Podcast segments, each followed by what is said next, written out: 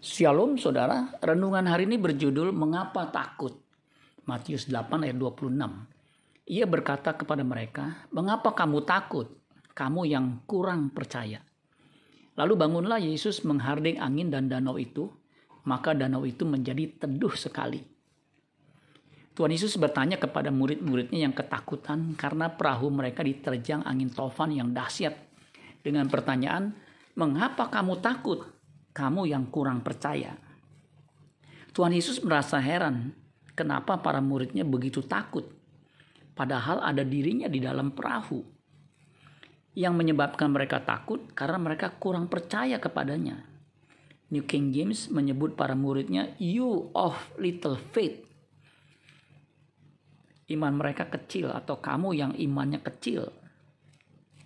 Seandainya mereka punya iman yang besar, dan sungguh-sungguh percaya, maka mereka tidak akan takut dengan angin tofan dan gelombang laut yang dahsyat itu. Karena ada guru mereka yang berkuasa.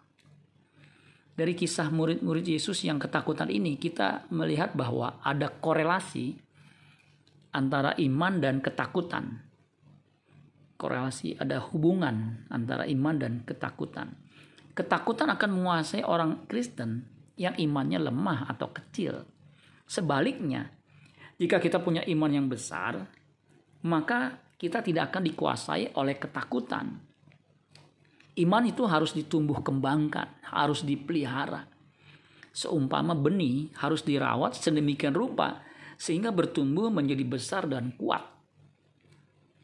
Dalam dunia pertanian ada istilah cultivate yang artinya membudidayakan. Itulah sebabnya selama kita hidup di bumi ini tugas utama kita adalah apa? Membudidayakan membudidayakan iman kita. Waktu Tuhan Yesus datang, dia bertanya, adakah iman, adakah ia mendapati iman di bumi? Jadi yang dia cari itu iman.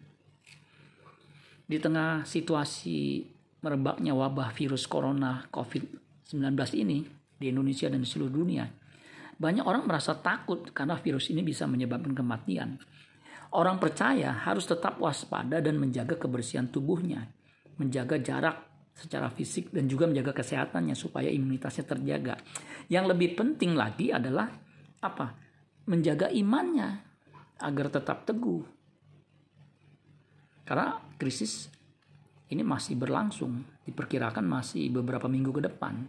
Untuk itu marilah kita siapkan stamina kita, fisik, jiwa dan roh kita, terutama iman kita. Amin buat firman Tuhan. Tuhan Yesus memberkati. Sola Gracia.